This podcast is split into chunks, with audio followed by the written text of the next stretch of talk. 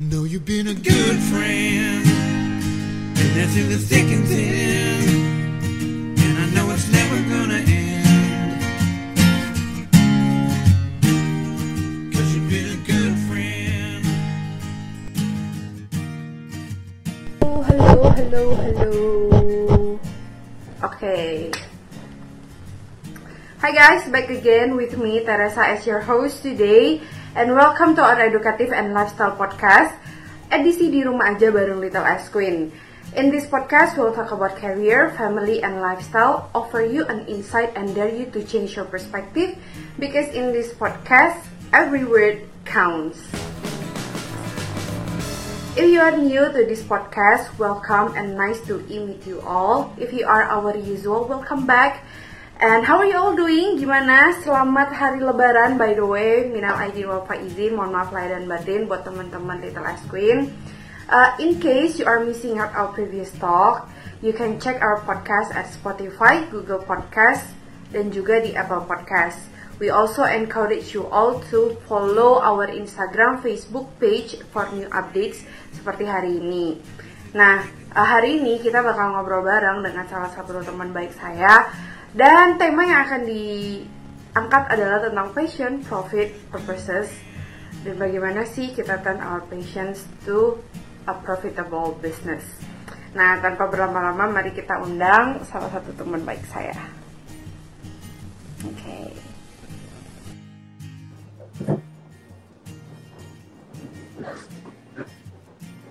Dion, are you there? Yo. Yo, bro. halo Ter. Eh, Lagi ngapain? Ya lagi menunggu call dari lu lah. Lu sekarang gimana sih di Singapura apa di Indo? Di Jakarta gua. Oh, oke oke oke. Hmm. Oke, Sekarang lu udah udah balik Indo for good lah. Enggak lah belum. Cuman kan kemarin pas Chinese New Year kebetulan lagi di sini. Terus lagi ada bis business trip juga lah di sini kan. Dan the COVID thing happen. Ya udahlah. Dan I was stuck here gitu. Oke oke oke oke. Jadi masih nunggu nunggu sampai keadaannya bisa balik baru gua balik ke sana lagi sih. Ya, that's that's going to be a long Ya. way. Ya, anyway, Nggak tahu kapan. boleh dong perkenalan dulu Koko. perkenalan singkat tentang diri lo sama dengan Oke. uh, Super Pixel. Iya, nama saya Dion. And aku ya orang Indo lah ya. But I've been in Singapore dari dua, tahun 2006 for university. Terus then I basically I I currently run an animation a- animation studio in Singapore. Then two years back, two years ago we we expanded the company juga di. Jadi kita punya company juga di Jakarta. Hmm. Jadi apa yang what we do is most, mostly kayak kita create content for marketing Mhm. marketing purposes gitu. Mhm, mhm. Ya, So, how's the Super Pixel doing selama pandemi? super pixel. I think pas pandemi sebetulnya sih kalau dilihat kan bisnis kita kan apa ya lebih kayak ke modelnya tuh more on the digital gitu ya. Hmm. digital. Jadi sebetulnya kalau dibilang impact impactnya terkena nggak ya cukup terkena juga pas awal-awal kan pastinya kalau brand-brand gitu kan mereka pasti dia slash yang paling cepat di slash itu kan budget marketing ya gitu. Hmm. Hmm. Jadi ya kita kan basically we are service kita bukan bukan yang essential gitu, bukan kita nggak Hmm. jualan makanan, kita nggak bukan medical gitu. Jadi bisa dibilang is a luxury gitu kan. Orang Hmm. bikin video, orang bikin animation itu sebetulnya ya it's good to have gitu dan Hmm. nggak nggak harus lu punya gitu kan. Hmm. Ya gitu sih. Klien-klien lu biasanya tuh lebih ke corporate atau justru like uh, kayak company-company SME? Sorry tar tadi putus-putus. Oke, uh, klien lu itu uh, mostly corporate atau SME? klien oke klien kita itu lumayan mungkin di- diverse ya jadi ada beberapa corporates ada juga kayak kadang kita juga do for government agency juga di Singapura Hmm. gitu Mhm. Terus we do kayak kayak recently kita bikin project untuk kayak Resource World Sentosa gitu. Udah dua tahun kita bikin kerjasama sama mereka. Itu one of the things kayak entertainment. Terus kayak broadcast kita juga banyak sih kayak dulu kerjain untuk kayak MTV. Terus kayak kalau corporations gitu banyak kayak IT companies kayak kalau lu tahu Cognizant gitu-gitu kayak apa?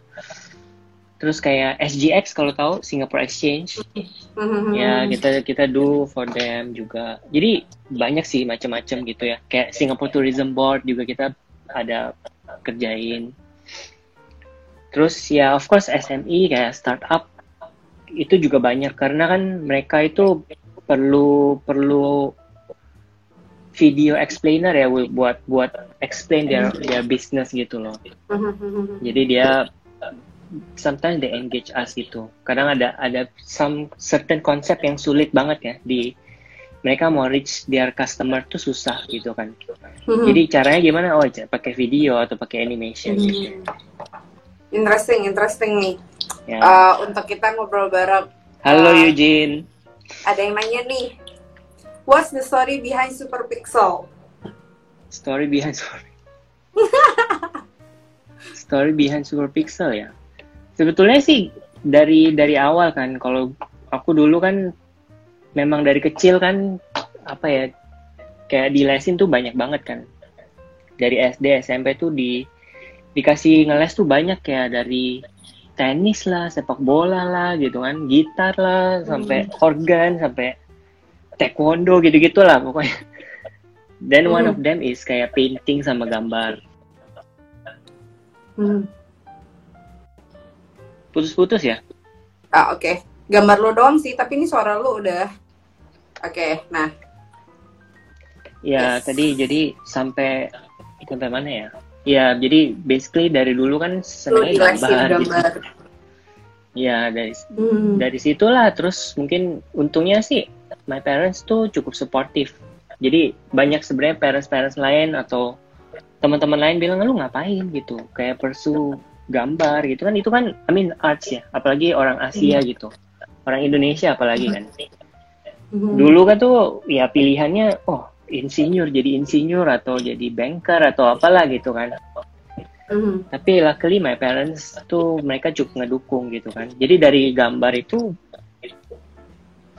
my skill start to evolve juga dari dari gambar terus gua tertarik dengan of course I love a lot of kayak cartoons, video games gue banyak main game juga kan, video games Hmm. gitu. Hmm.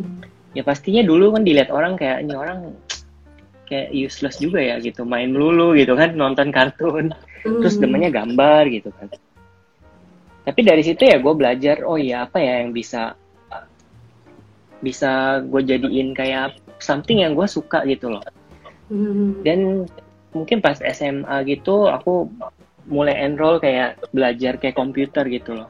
Karena aku demen banget sama kartun jadi pe- penasaran kan bikinnya gimana ya. Hmm. jadi setiap habis pulang sekolah tuh SMP SMA aku ngeles kayak ngeles. Dulu namanya kayak sekolahnya namanya Digital Studio. Hmm. jadi belajar tentang ya all the computer software lah bikin animation Hmm. bikin graphic design gitu kan lah Hmm. dulu tuh masih baru banget jadi jadi ya udah gue coba coba coba aja kan buat jadi hobi aja gitu Hmm. dan dari situ terus mungkin ada sepupu kebetulan ada sepupu aku sepupu aku dia bisnis dia tuh event company jadi kayak orang-orang Sweet Seventeen sama wedding Hmm. Nah terus dia lihat lu seneng ya bikin video gitu ya, lu bikinin deh gitu buat klien gua deh gitu. Dulu tuh pas Hmm. SMP SMA gitu dia bilang bikinin lah. Terus oh bisa nggak gitu? Oh ya bisa sih coba aja dulu kan. Lumayan lah dibayar kayak 300 sampai 500 ribu dulu kan uang jajan. Nah terus ya that's when I realize oh seru juga ya gue bisa ngelakuin ini anyway gue seneng gitu kan. Terus gue dibayar gitu. Ngapain gue mesti ngikutin orang-orang lain yang belajarnya matematika lah, engineering lah gitu. Jadi, aduh malas juga lah gitu kan. Hmm. Dari situlah gue mulai cari tahu, oh apa ya gitu. kuliahnya apa ya gitu dan dulu cuma pikir ya yang penting udahlah kreatif desain grafik desain kreatif yang penting Hmm. masuk kayak gitu-gitu dulu lah multimedia gitu kan Hmm. ya udah terus ya singkat cerita pokoknya aku ambilnya di kayak animation digital animation gitu jadi ya sempat kerja dulu kan di beberapa studio gitu di Singapura Hmm. Dan memang dari dulu pengen kayak pengen punya sih pengen punya tim sendiri gitu kan. Hmm. So you are graduating from animations degree atau ah, oke itu Jadi, di, ya, di Singapura di apa di Indo? di Singapura di NTU Oke, that's interesting. ya. That's why jadi dari uh, situ. dari sana akhirnya kayaknya gue melihat lu menulis artikel uh, yang bagus tuh yang judulnya bentar ya gue cari contekan dulu. Yang kemarin you tulis di medium.com itu bro. You say Oh. finding the work and life we love and then I love the way you start your statement. Jadi when you start your statement di di paragraf itu you say what makes you weird as a kid. The thing that make you weird as a kid makes you great today by James Victor. Itu menurut Oh. gue is a very great way to start something off. Karena uh, tapi teman-teman masih baca ya teman-teman yang nonton atau yang dengar siang hari ini masih baca di medium.com uh, bisa cari namanya Dionysius K ya bro ya. Mm-mm. Mm-mm. itu bisa cek di artikel itu. Menurut gue itu inspiring banget bro. Dan gue rasa apa yang barusan lu ceritain itu itu sepertinya background dari inspirasi dari cerita lu sendiri ya. Iya, barusan kurang lebih sih. oke. eh Kurang sebelum kita masuk lebih eh masuk nanya-nanya lagi nih pasti banyak yang mau nanya juga. Gue mau ngasih lu kita mau main games dulu nih bro. Jadi gue bakal Oke. kasih you one statement with two options. So you just have to choose between those op- options. Can oke. Oke. Boleh. Desain bagus tapi nggak profitable atau desain B aja bikin mata sakit tapi profitable Prita ke bapak nih bro Hmm. jadi desain bagus tapi nggak make money gitu ya Iya, heeh. atau desain B aja bahkan bikin sakit mata tapi pro- tapi bisa make money. hmm, gimana ya If you just have to choose lah, you don't need to explain. Maybe uh, the explanation later. Karena mungkin jawabannya nggak nggak ada di dua-duanya kali ya Hmm. kalau Lu pernah kalau experience? ya? Hmm? Pernah experience? karena kalau menurut gua kalau desain dis kalau art yes gitu art you can make kayak very artsy artsy gitu ya Mhm. one art piece yang bagus banget tapi do- don't make money itu bisa tapi kalau Hmm. desain itu desain itu kan the core of design is solving certain problem gitu Mhm.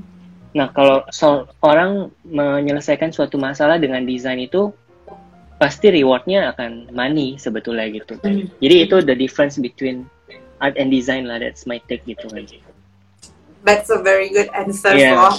Oke oke. Next, alone atau team? oh pastinya tim Sendirian lah atau tim? Oke. Work from home atau work from office? Dua-duanya penting sih Dua-duanya penting.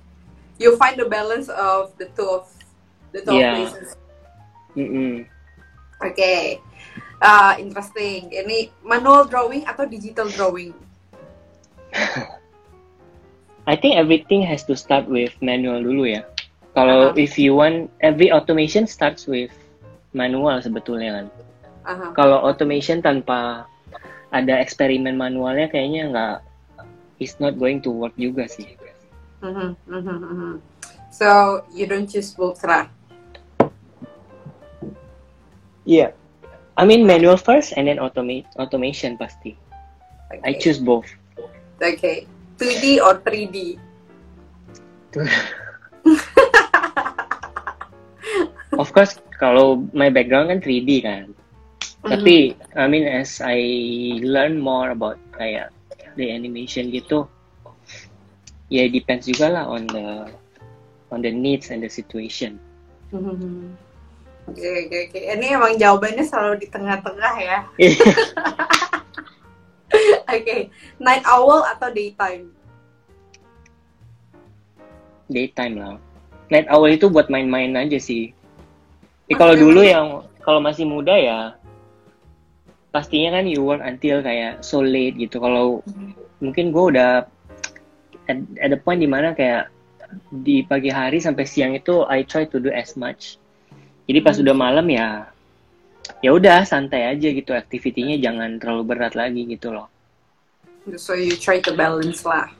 Iya. Okay. Coffee or tea? Last questions. Coffee sih. Kalau itu katanya Eugene, itu adalah uh, sahabatnya para desainer coffee or tea. Iya, coffee and tea ya sih.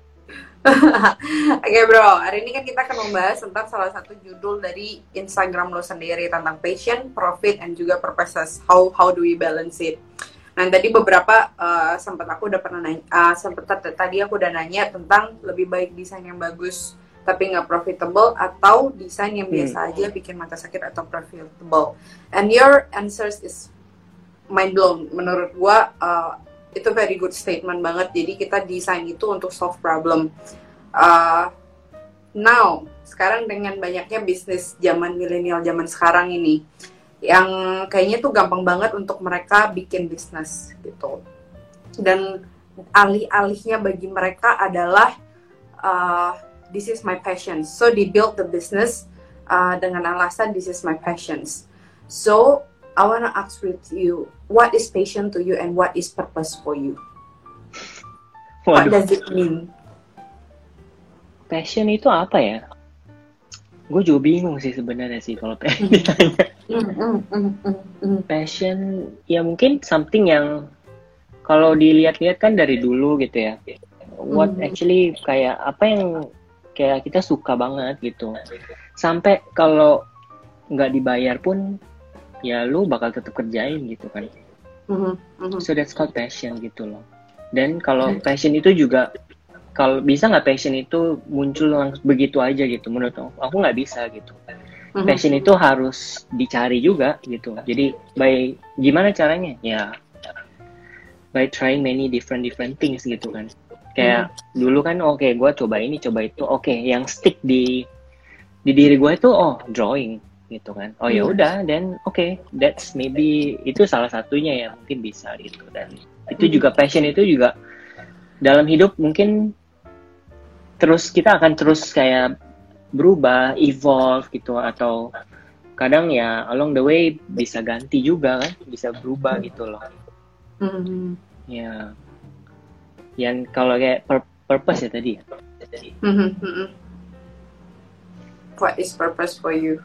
Purpose itu ya mungkin kalau kalau lu lihat kayak di diagram ikigai atau kayak company-company itu biasa dia bikin misalkan kayak lingkaran satu tuh dunia itu perlu apa gitu atau nggak usah dunia lah ya mungkin sekit masyarakat sekitar perlu apa gitu Mhm, satu kan terus di sini ada kayak hal yang kita suka gitu Betul. Let me open that thing. The Ikigai diagram, right? Mm-mm. Oke, terus? ya mungkin ada diagram lain juga sih gue gue lupa namanya apa ya jadi apa yang kita suka terus juga dari apa yang kita suka terus kita lihat kira-kira apa yang diperlukan ya di masyarakat gitu terus Ini juga kan- iya yang Hmm. kita suka iya terus sama satu lagi ya yang bisa kita dapat uang apa gitu kan realistik aja gitu loh kayak jadi kalau kalau gue sih pikir kalau eh, passion sih passion ya cuman Hmm. ya gue juga perlu cari duit kan gitu Mhm. Oke, berarti uh, cukup interesting ya dengan jawabannya itu. Dan kalau berarti kan kalau misalnya kita berbicara tentang passions, kita berbicara tentang purpose, terus kita juga ada profit, itu kan berarti sebuah idealism. Uh, bekerja sesuai dengan apa yang kita suka gitu. Nah, tapi kan pada kenyataannya nggak seindah dengan idealism itu kan gitu. Ada yang Iya. namanya tentang ber, apa keluarga menentang misalnya kamu mau makan apa uh, dengan passions kamu terus ada juga uh, ada juga yang menentang misalnya terus sudah masuk di dalam panggilan itu, patience itu ternyata tidak menghasilkan.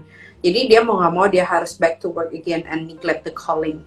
And luckily tadi kayak you mentioned that your parents are not uh, your parents itu nggak nggak neglect eh, maksud- your parents itu ya tidak mendukung lah men- eh, ya your parents tuh mendukung gitu. Nah untuk Hmm. idealism seperti ini gitu, what are your thoughts? Tentang apa nih yang orang yang dilarang ya Idealism, ya idealism itu dan pada kenyataannya ternyata tidak seperti itu. Hmm, Apakah memang harus seperti itu? Uh, harus bekerja sesuai dengan passions atau uh, mungkin uh, kerja dulu sama orang lain gitu. Oh maksudnya mau langsung bikin bisnis gitu kalau menurut gue sih nggak bisa maksudnya ya Nah, Kenapa it's, it's an kayak- opinion Hmm. from you. It's opinion from you. Okay. Iya, kalau menurut menurut gua sih dia di mana-mana kalau apa ya? Ya, of course maybe some people ya bisa aja gitu. Out of Hmm. school langsung bikin something gitu kan. Mhm. Ya you might be successful, you might not. Tapi kalau lu kerja sama orang dulu itu kayak dulu kan gua kerja mungkin selama lima tahunan lah kerja dulu kan. Mhm. Dari situ ya belajarnya cukup banyak sebetulnya. Kalau tempat kerjanya sesuai ya gitu. Jadi Hmm. dari situ cukup belajar banyak. Mhm. Jadi dari situ juga bisa lihat gitu kan. Oh, gue sukanya ini. Tapi sebetulnya nggak gitu juga gitu loh. Kayak oh, kayak sekarang di kalau ditanya setiap hari, do you love what you are doing? Of course, ya partly I love. Tapi ada juga yang gue nggak suka kan gitu. Mhm. Nah, dia- jadi di situ mungkin ketika ketemu dengan realitanya gitu ya, kayak Hmm. oh ternyata nggak seindah yang wah kalau nonton film film-film kayak apa mengejar mimpi yang apa tuh kayak oh I just pursue whatever I like gitu. Mungkin kenyataannya nggak gitu gitu kan. Mhm. Sebelum itu banyak hal yang harus PR-nya tuh banyak banget gitu kan. Mhm. What are the PR Iya. itu? Jadi apa sih PR-nya? PR-nya ya mungkin hard work aja sih kalau menurut gua kayak kayak dulu kan mungkin I ketika gua kerja gitu sama orang Mhm. in my mind gua tahu gitu I want to have my own business gitu. Gua nggak mau kerja sama orang terus tapi at the same time gua perlu gain namanya nomor satu ya experience. Nomor dua ya money lah. Dulu kan gua baru lulus nggak ada uang juga apalagi di Singapura kan gitu. Jadi Hmm, ya udah gua kumpulin uang nabung gitu. Mhm. apa sih yang mesti disiapin gitu? Oh ya udah. Biaya hidup gua per bulan berapa? Misalkan dulu mungkin sekitar 1.500 Singapura dollar gitu ya. Mhm. ya udah gua bikin bikin aja hitung gitu. Ya ini yang gua gua bilang PR-nya ini. Ya hitung dulu berapa harus biaya hidupnya berapa gitu. Satu tahun satu tahun hidup tanpa penghasilan you have to have that amount dulu di di, di tabungan kan? Gitu. Mhm. itu nomor satu. Nomor dua ya experience gitu kan? Experience di mana ketika lu lihat oke gue sukanya ini gitu. Dan ketika lu kerja sama orang lu berarti lu terjun dengan di masyarakat lah ya. Kalau kalau dulu bokap gue bilang kamu terjun di masyarakat tuh kerja sama orang gitu. Mhm. jadi dari situlah bisa ngelihat gitu kan oh kerja sama tim tuh bagaimana ya gitu. Yang gua gua gue bisa ngelakuin tapi orang lain nggak bisa lakuin yang gua nggak bisa lakuin orang lain bisa bantu gitu kan Mhm. nah di sinilah juga realita juga lihat apa dihadapkan juga dengan realita gitu kan oh bisnis itu nggak cuma semata-mata about me gitu Mhm. jadi is bisnis itu kan pada akhirnya ya ini kembali lagi kan bisnis itu sebetulnya kan prinsip secara prinsip itu adalah mesin ekonomi ya. Mhm. It's an econ- economic machine yang punya impact kepada masyarakat sebetulnya gitu. Mhm. Mhm. Nah dari situlah mungkin dengan kerja sama orang gue jadi lama-lama belajar juga kan gitu. Oh iya ya gitu. Ternyata ada hal-hal yang banyak lah gitu hal yang harus diperhatiin misalkan perpajakan banyak banyak banget lah gitu HR-nya gitu-gitu macam-macam kan. Mhm. Nah itu yang mungkin gue nggak akan tahu kalau gue nggak kerja sama orang dulu. Bisa sih mungkin kalau ini kan kalau memang lu mau set up bisnis ya bisa aja gampang. Tapi to maintain gitu susah kan. Kalau kerja sama orang, lu udah bisa lihat gitu orang ini udah bisnisnya udah lama gitu. Dan you Hmm. see how the business runs gitu kan. Hmm, hmm. Ya pada intinya sih itu yang gue bilang kayak bisnis itu harus punya impact kepada masyarakat gitu kan. Kalau nggak ada bukan bisnis namanya. Jadi satu tadi adalah uh, realistis, hitung bulanan lu butuh berapa. Uh, anggapannya paling kasarnya setahun biaya hidup lo berapa. Kedua, you have to have experience ya. Lu juga harus mempunyai experience. Uh, terus tadi yang lu bilang adalah yang bisnis itu. Ya. Ada Dan yang lagi, satu lagi satu lagi ya keberanian sih. Hmm. Oh ya ya, kayak pas true. sebelum sebelum melangkah itu dulu kan Hmm. Hmm. mungkin cukup gue cukup comfortable ya dengan income yang udah oke lah dulu di Singapura. Hmm. Hmm. Terus Hmm. ya at the same time gue juga kerjain cari klien on the side gitu. Jadi, jadi cukup Hmm. comfortable sebetulnya kenapa gue harus keluar gitu kan. Hmm. Hmm. Kalau keluar tuh bener-bener uncertain banget gitu. Hmm. Ya kan? Lo pernah nggak sih ngadepin klien misalnya kan seperti Sal juga pasti lo mempunyai your own stand gitu, punya uh, visi dan misi sendiri seperti Sal sendiri. Nah, lo Hmm. pernah nggak sih uh, menghadapi klien misalnya yang not sing with you, with your value, misalnya yang sana komersial banget, yang jelek bagus, tapi yang penting nggak peduli mereka pokoknya gue maunya jadi doang gitu. Tapi uh, lu sendiri gitu punya purpose lain misalnya untuk educate uh, the importance of good design and so called. Nah dari segi profit kan pasti menguntungkan gitu, tapi kan nggak sejalan nih dengan passion atau purpose lo yang uh, yang lo udah punya gitu. Nah as a service provider, how uh, bagaimana apakah ini you take it as the challenge uh, untuk maju atau you let it go? Hmm, ya kalau kayak klien kan berarti ini kan memilih klien gitu ya. Hmm, hmm, hmm, menurut gue ya memilih klien ya sama seperti memilih kayak partner hidup kalian juga gitu kan. Ini kalau misalkan dia cara pikirnya terlalu jauh gitu, ya susah gitu kan. Gimana mau kerja bareng gitu. hmm, hmm, Mau dia punya banyak uang juga nanti dua-dua nggak happy gitu kan. Dua-dua hmm, dia udah rugi bayar, hmm, kita juga malah hancur gitu loh. Tim gue yang jadi hancur kan jadinya. Jadi ya kita juga harus lihat. Biasanya sih kita adalah beberapa hal yang kita lihat gitu loh. Nih klien sebetulnya bisa nggak ya percaya dengan biasanya sih kalau klien yang cerewet gitu-gitu ya itu orang yang mungkin sulit percaya juga kan sama Hmm. ya kalau gitu ya kerjain aja sendiri sebetulnya gitu kan kalau nggak ngapain kalau udah bayar mahal terus dia mau ikut campur gitu jadi cuma gitu kan. Iya dong Hmm. kalau lu beli seperti iya kalau gue selalu ibaratkan dengan beli makanan. Hmm. ya dong lu nggak mungkin lu ke dapurnya bilang eh ini nggak usah pakai ini loh ini nggak usah ini. Ini sayur ini nggak segar ya. Kan lu nggak tahu gitu kan. Sama Hmm. gitu loh. When you come to us ya of course kita juga bakal journey bareng gitu. Tapi kan ada ada certain level of trust gitu. Jadi itu yang pertama kita lihat gitu apakah orang ini bisa percaya nggak ya sama kita gitu. Dan kita juga bisa vibe-nya oke nggak gitu ya Hmm. Oke oke oke. That's a good way. Itu sebenarnya sebenarnya adalah pertanyaan titipan dari Eugene. oh iya iya Bro, eh, selama pandemi ngapain aja? sama pandemi ya Hmm. ya ini sih sebetulnya kan kerja dari rumah gitu terus Hmm.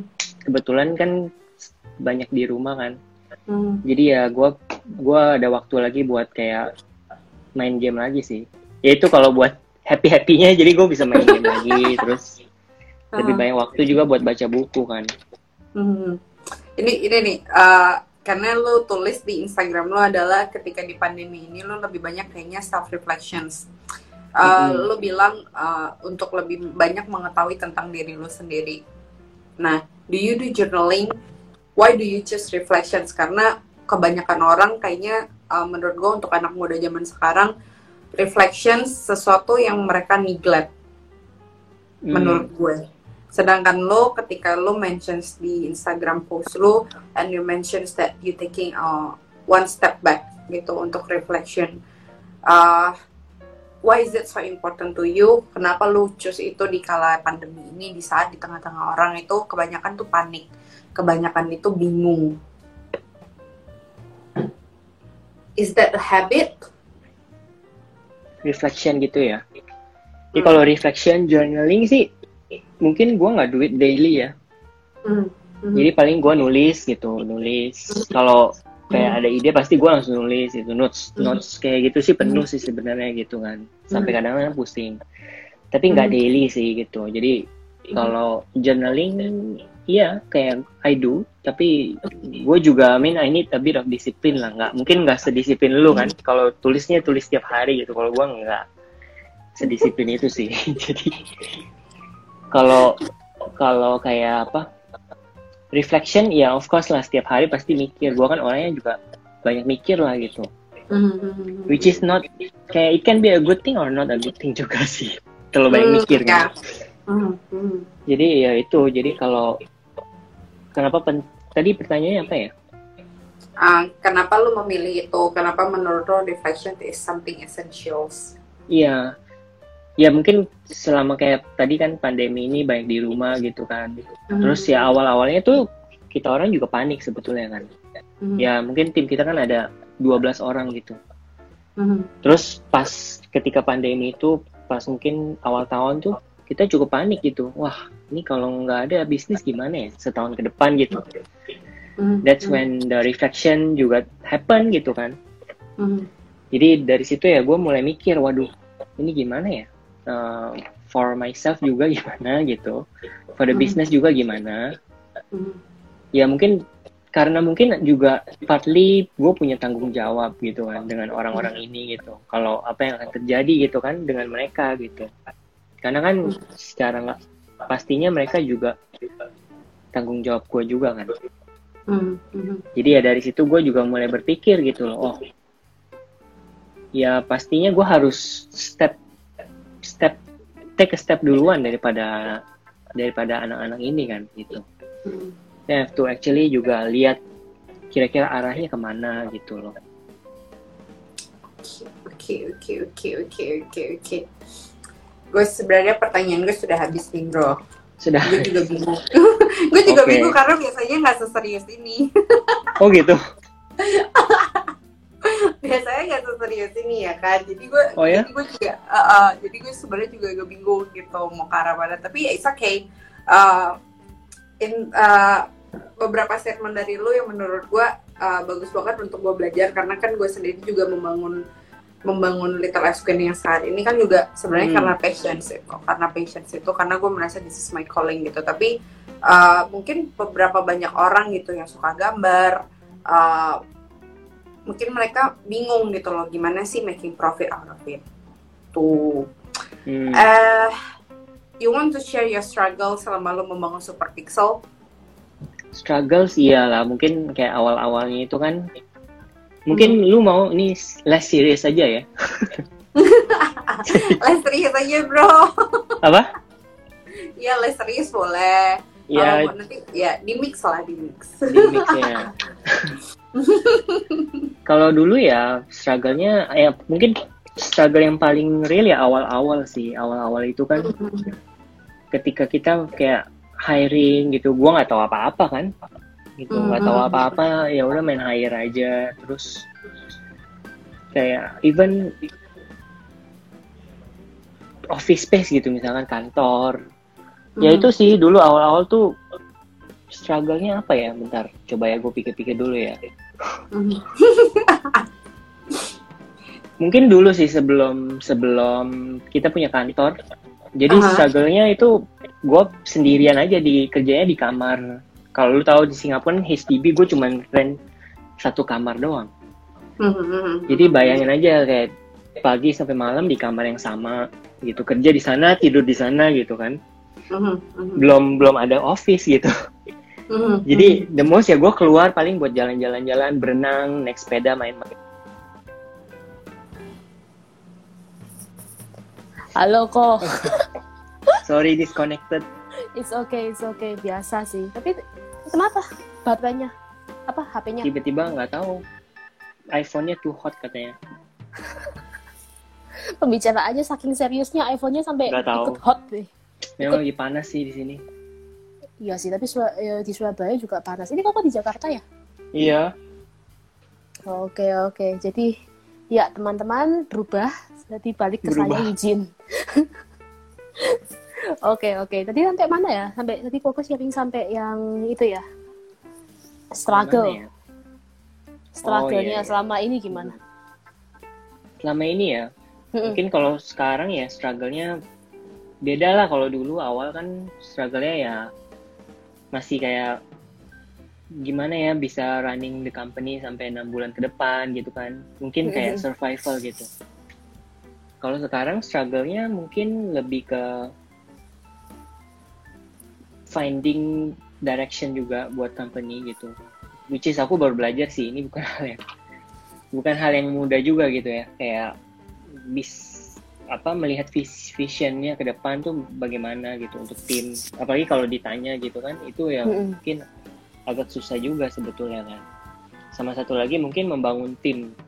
Ini yang Mm-mm. mungkin aku lagi sering-sering belajar juga lah gitu. Kayak buku-buku kayak coaching gitu kan karena sekarang Mm. bukan lagi aku yang kerjain cuman ketika tim aku yang bisa perform ya itu bak semua bakalan sukses kan gitu Mm-mm. Nah, mungkin bukan struggle lah itu mungkin yang sekarang kita lagi lagi apa ya?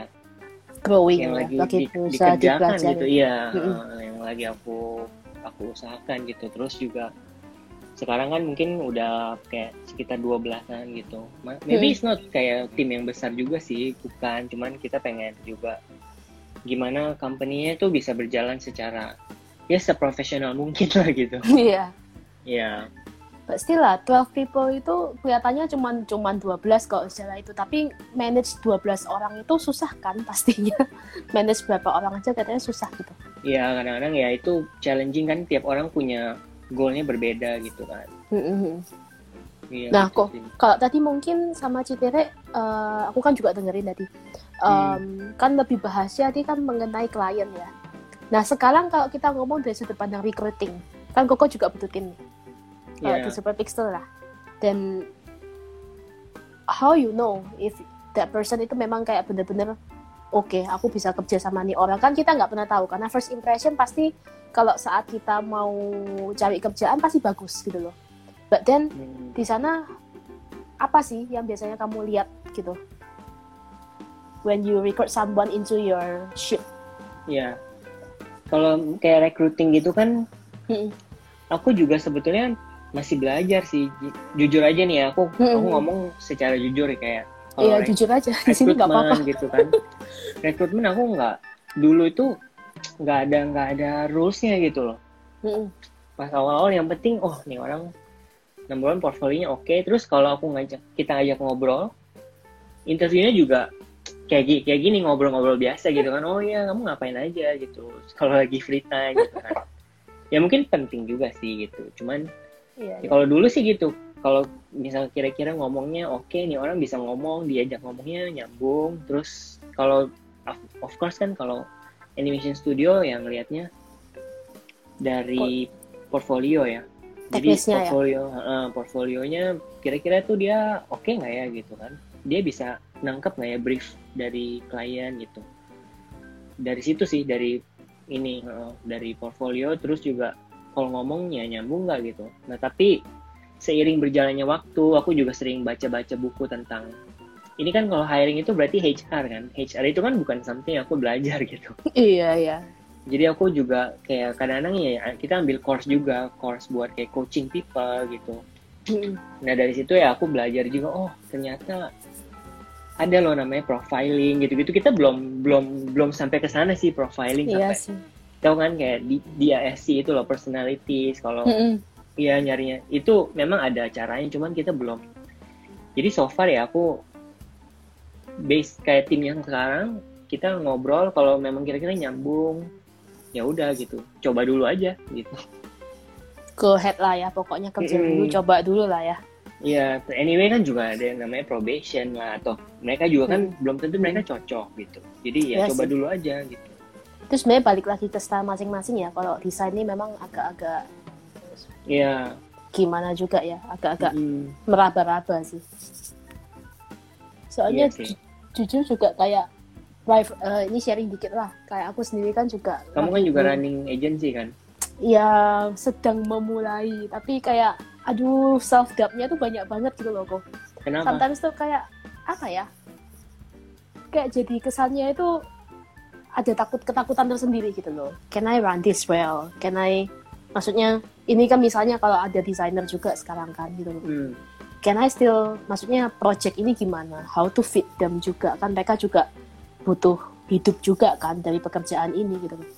So sometimes tuh kayak ada self doubt sendiri sih dalam diri itu kayak can I run this well? Can I run this well? Gitu loh. But kalau aku mau tanya sih kok sempat nggak sih kok uh, dalam menjalankan super pixel ini kayak sempat ngerasa uh, apa enakan lebih enak kerja di orang ya daripada aku Oh iya, Pixel? every every single time. iya kan Iyalah, setiap every single time juga aku mikir Hmm. capek gitu karena memang capek sih. Mm-mm. Mm-mm.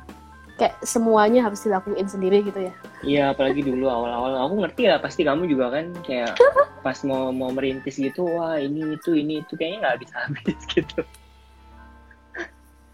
Iya kan? Iya sih, kayak kadang itu secara personal jadi bingung itu di dalam managingnya gitu loh. Kalau mungkin Iya. teknisnya InDesign tuh kelihatannya lebih ya udahlah kita ngerti kita memang belajarnya di sana itu ya kan. Tapi kalau udah Hmm. yang lain-lain tuh kan juga gimana gitu rasanya. Iya. Aduh, Apalagi kalau ada ada karyawan baru join gitu kan cara mereka Iya. kan beda-beda gitu. Iya itu tuh kadang susah loh ya kayak nyeragaminnya itu ya.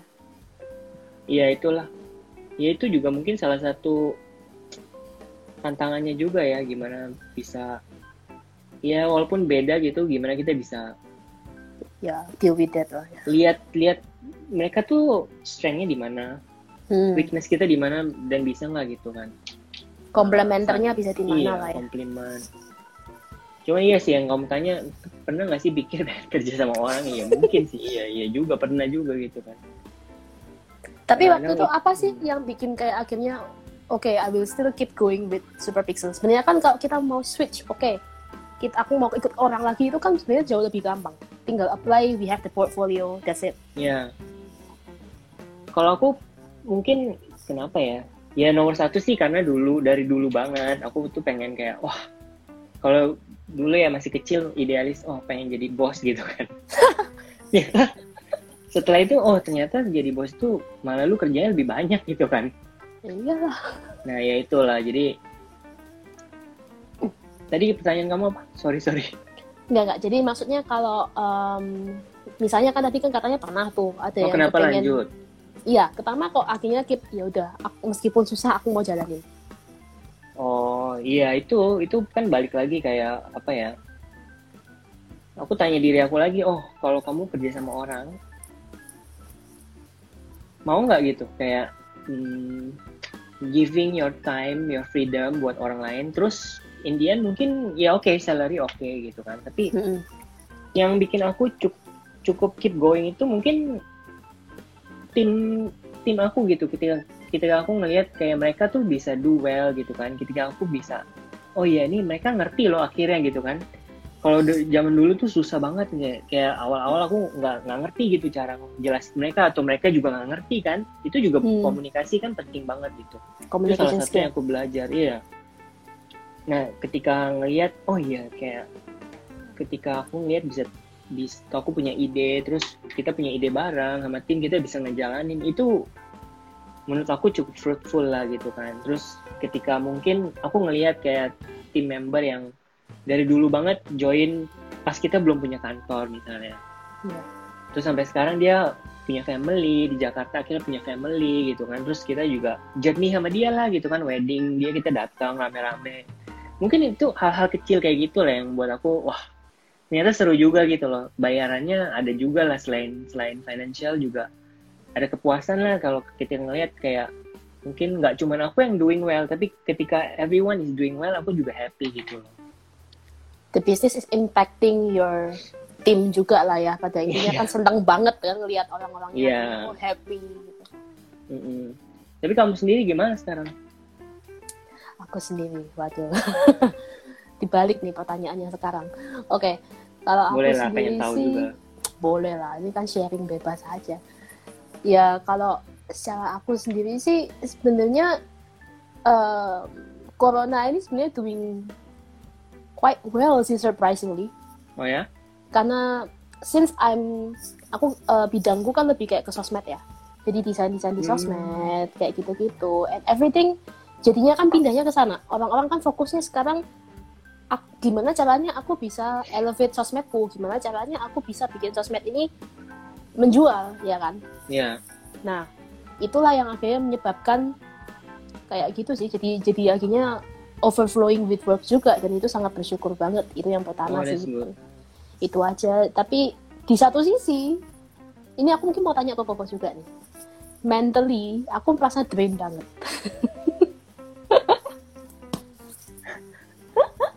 Capek ya?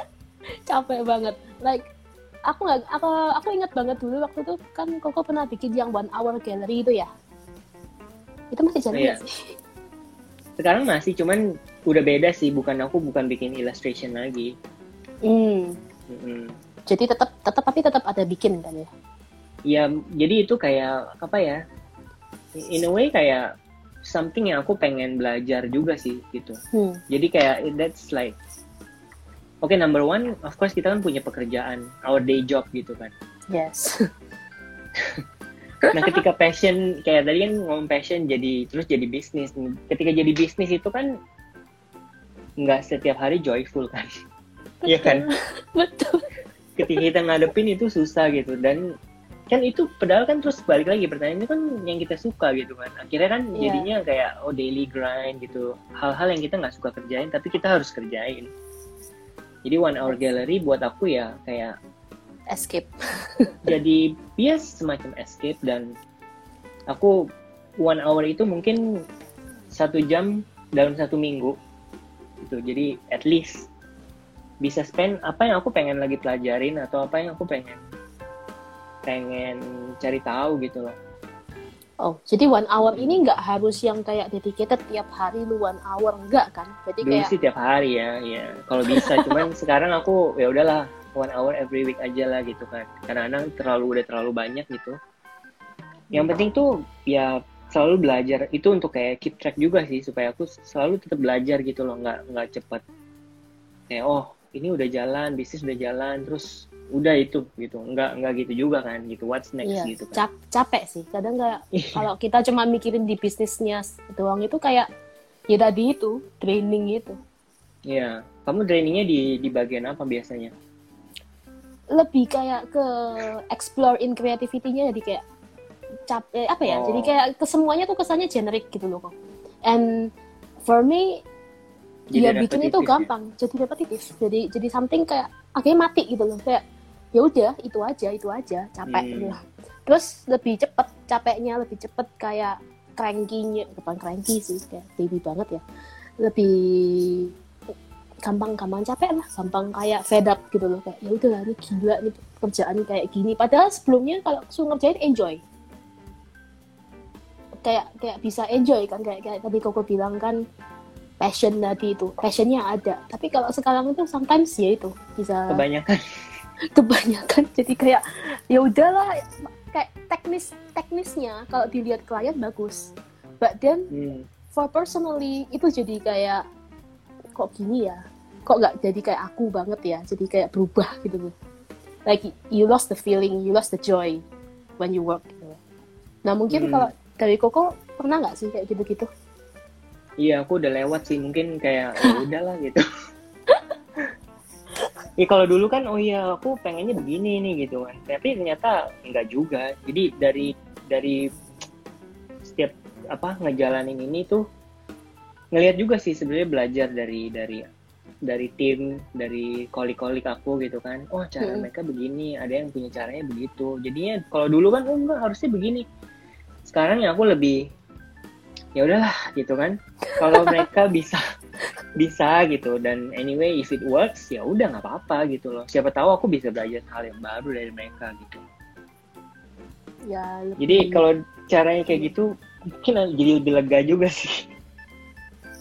Mungkin apa ya lebih bisa menerima kali ya lebih less Ya. perfeksionis ya itu sih itu penting kan.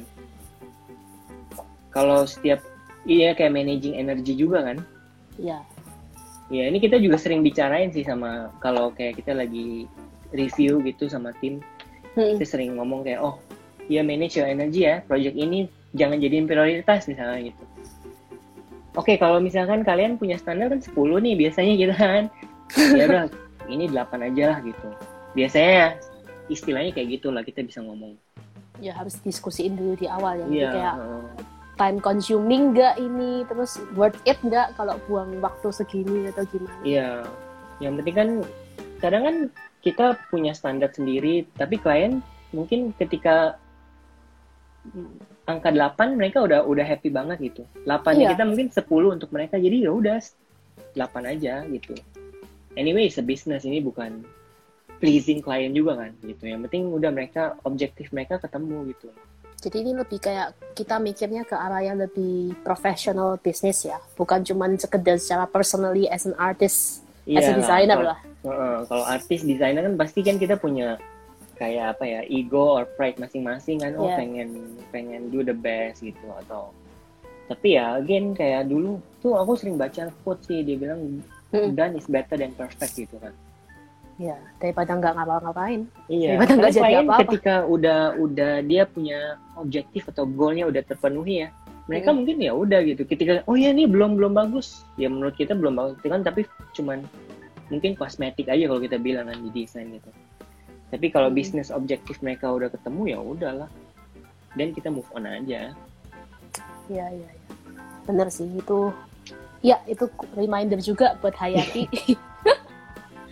Karena sometimes dealing with self perfectionism itu agak em, gimana ya? ya Kayak Karena kayak itu- ada iya bang kembali lagi kan kita ngerjain bukan buat diri kita gitu aja lah Iya. pikirnya sih kadang-kadang we we do that to help our clients kan. Iya. Design is to help problem solving Iya, gitu. tadi. Wow, wow. kamu tim kamu berapa orang Masih kecil banget kok. Baru tiga orang. oke lah. Baru tiga orang. Tiga orang I- berarti lu- udah lumayan sibuk lah kalau bertiga gitu. Bertiga itu udah lumayan lah. Paling nggak ada yang satu bagian project managing satunya juga Hmm. bantuin aku desain lebih and then one intern. Gitu sih. Oh. Tapi sebenarnya kayak kalau kerjaan kayak gini sebenarnya kayak apa ya? Pernah nggak ngadepin stigma dari orang tua gitu kalau nggak usah orang tua lah mungkin kayak dari teman-teman sekitar. Kan apa ya awal-awal kan pasti kita seringnya kerjanya kayak di rumah sebelum kita punya office and everything. Pernah nggak kayak ngalamin kok kamu katanya nganggur ya di rumah? Kamu kayak dulu pas kerja dari rumah gitu ya. Hmm, dulu sih untungnya aku kan tinggalnya sendiri juga kan housemate juga nggak terlalu kenal gitu kan jadi oh ya ya emang ya sih. mereka kurang peduli gitu. Tapi kalau sama orang tua ya mungkin mereka. Tapi anyway juga dulu sih untungnya parents aku ngerti sih. Oh ya mulai Hmm. dulu aja dari dari rumah gitu. Yang stigma yang mungkin ini sih mungkin dari teman-teman dulu ya yang mungkin di Hmm. ngambilnya kayak finance banking gitu kan. Mereka Iya. pasti selalu kayak lu ngapain? gitu kan. Ngambil art itu kan mungkin dipandang sebelah mata lah dulu gitu sampai sekarang Right. sebenarnya sih ya sampai sekarang tapi I think our time has come juga lah gitu ya is getting better now. Orang anak-anak Mm. sekarang yang yang lulusan sekarang mungkin udah kelihatan lah. Parents parents mungkin udah mulai kelihatan. Oh ini lahan bisnisnya di mana? Iya, sekarang udah growing banget. Kalau dulu tuh kan, waduh dipandangnya sebelah mata banget gitu. Iya iya iya. Dan dulu ya yang mem- memotivasi aku ya rasa marah sebenarnya. kayak orang kan bilang oh iya gitu. Kayak paling berapa apa sih? gitu. Nggak bisa lah nggak bisa hidup lah. Kayak ngerjain ginian apa sih? Gambar gitu art gitu kan desain. Mungkin Hmm. mereka pandang semua ya dari situ aku mungkin oh iya tunggu aja gitu. Just wait gitu loh one day I'll Just prove it to you gitu. Itu Ya, kayak banget gitu. sih itu relate sih I- karena I personally juga kayak sempat kepikiran kayak gitu. Karena dulu sempat ada ada seseorang yang memang kayak very against with me Yeah. taking art ya kan. And dia tuh kayak mengatakan kamu nggak mungkin sukses di bidang ini. Ini bidang yang buang-buang duit dan kawan-kawan. Everything with all the facts that she list down lah. Tapi pada intinya nah maksudnya sepertinya sekarang juga maksudnya bisa bisa menghasilkan gitu loh. Dan dari situ kan juga ya. Nggak healthy sih sebenarnya pakai kayak gitu untuk jadi motivasi. Terus-terusan juga capek sih one day. Tapi kayak bisa juga ya kali ya. Drive-nya kayak gitu juga ya. Iya kalau aku sih dulu gitu kayak apa aku pengen kayak wah just tunggu aja lah gitu one day gitu percayalah gitu loh. Percayalah beriman. Iya kayak sambil bekerja keras. Iya untuk orang-orang ini tuh kayak ya, tunggu aja lah tunggu lah gitu ya. Daripada gua kerja jadi kayak apa I mean kayak corporate ladder gitu it's not for me gitu kan. Iya. jadi but you just wait gitu loh. Ada waktunya gitu loh. Ya, jalan orang beda-beda lah. Panggilannya pasti beda-beda. Ini jadi Iya. sesi curhat nih akhirnya. Adanya apa nih? Koko Lapandi. Koko Halo Lapandi. Sudah lama tidak ketemu Lapandi sahabat. Abang Lapandi. Sahabat di Lapandi sepertinya lagi bekerja sama dengan aku juga tuh. Oh ya? Kayaknya ya. Kayaknya. Soalnya mungkin produser aku yang lagi lagi ngobrol sama dia waktu itu. Aku dengar oh ya Oh. Lucius Lucius mau call dengan Lucius gitu. Itu bang tuh dipanggil tuh bang mau kerja sama tuh Colusius ini masih di Jakarta terus atau? Ya tunggu sampai bisa balik ke Singapura sih mungkin ya. Anyway kalau Tapi- balik sekarang juga nggak tahu mau ngapain. Tapi tim kebanyakan di mana? Di sini atau di sana?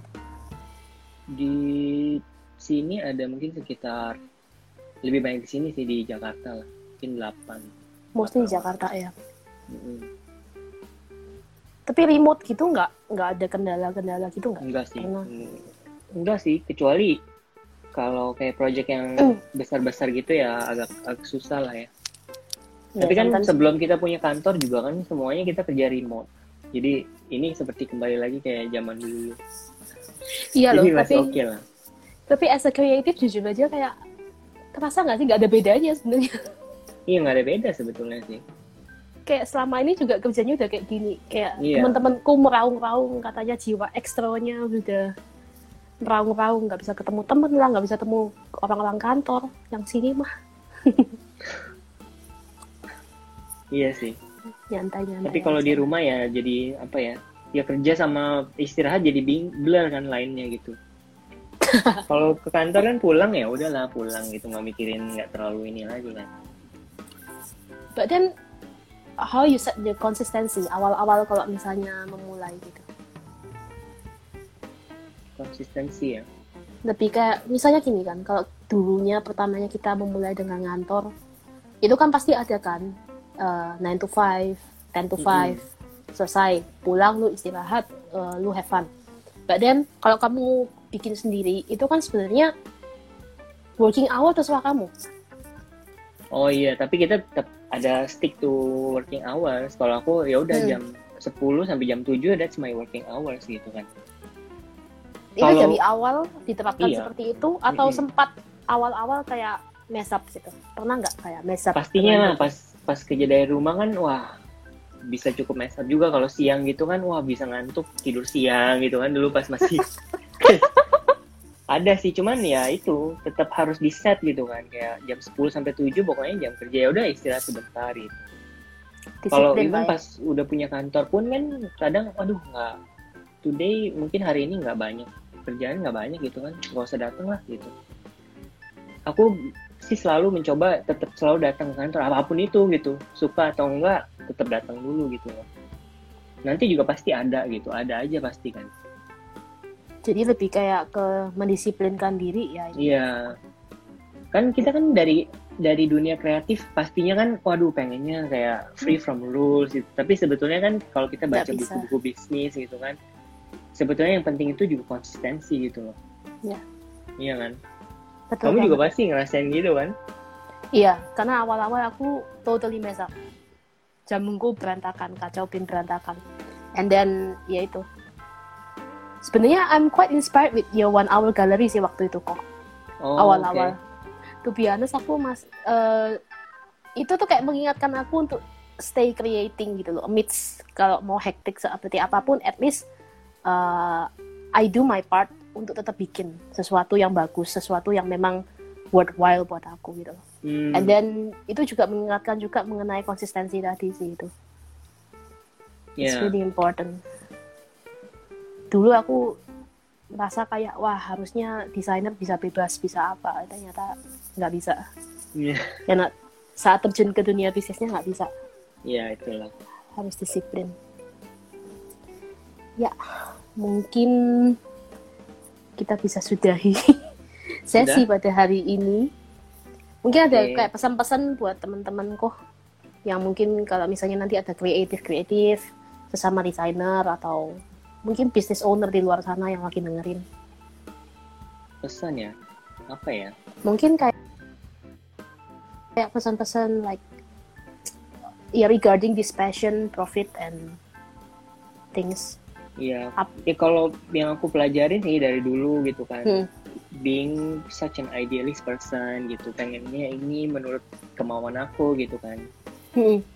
Ya dengan realitanya ya mungkin nggak nggak akan se sekeren itulah ya. Sekeren apa yang kita bayangin gitu. Iya. Jadi kuncinya sebetulnya seperti yang kita udah ngomong tadi kayak konsistensi itu hal yang mungkin kelihatannya gampang gitu tapi susah susah sekali gitu kan. Ketika kita sama. konsisten dengan mungkin waktu, nah itu bakalan impactnya tuh akan banyak banget ke hal-hal yang lain sebetulnya gitu. Hmm. Buat aku sih itu mungkin sampai hari ini lah yang aku selalu selalu apa ya ngomong juga ke diri aku gitu. Keep just keep doing gitu loh jangan.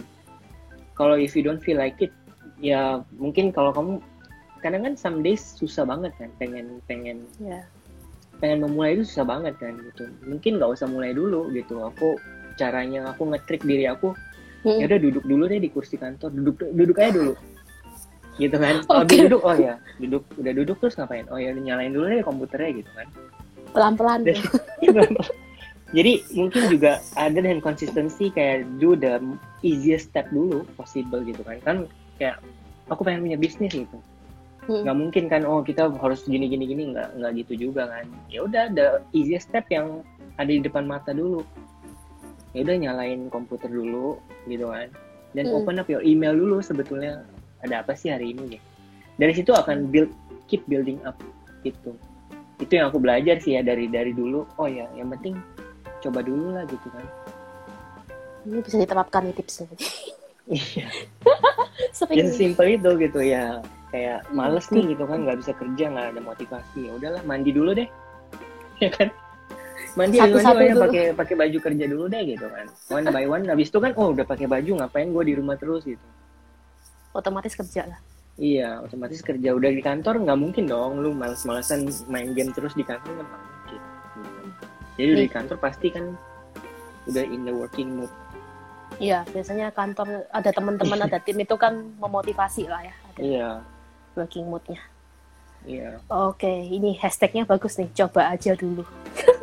iya coba aja dulu Jalanin aja dulu. kamu sama Oh. Tere ini ini podcast ini berdua ya Iya, kita sebenarnya Oh, gantian oke. sih, itu honest.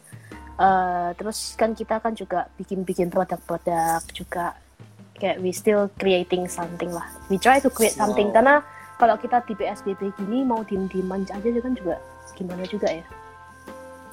I think we have Iya. to at least apa ya? Kan kayak kayak gini-gini kan we never know gitu loh siapa yang dengerin. Maybe kan will give insight juga. hmm That's that's the point lah untuk podcast ini sebenarnya. iya iya iya itu sih oke thank you Oke, Ko for today thank you makasih thank you. ya good to Tadi- see you juga udah lama nggak lihat iya kita udah lama nggak up nih iya Ini ada yang bilang thank you way 2 underscore 19. Yeah, thank you. Oke, go. Okay. Thank See ya. you. Thank See you, you. go. Bye bye. Bye-bye. Take care. Hmm. Take care, take care. You. Oke teman-teman, thank you for listening uh, our podcast, our live today. Mohon maaf tadi ada kesalahan teknis sedikit, but don't worry, we already saved the previous part, so you can check it out later uh, by the IGTV or via podcast kita. You can find it in Spotify, Google Podcast, or Apple Podcast. So reminder hari ini jangan lupa stay consistent, coba aja dulu, gak usah takut and it also actually gave me a lot of insight today. so thank you Tere for passing it on to me. Uh, okay, so thank you everyone for listening for today. Terima kasih juga banyak juga buat Podion yang sudah bersedia ngobrol-ngobrol ini. So stay tuned for our other podcasts. Always be kind. Bye. Take care.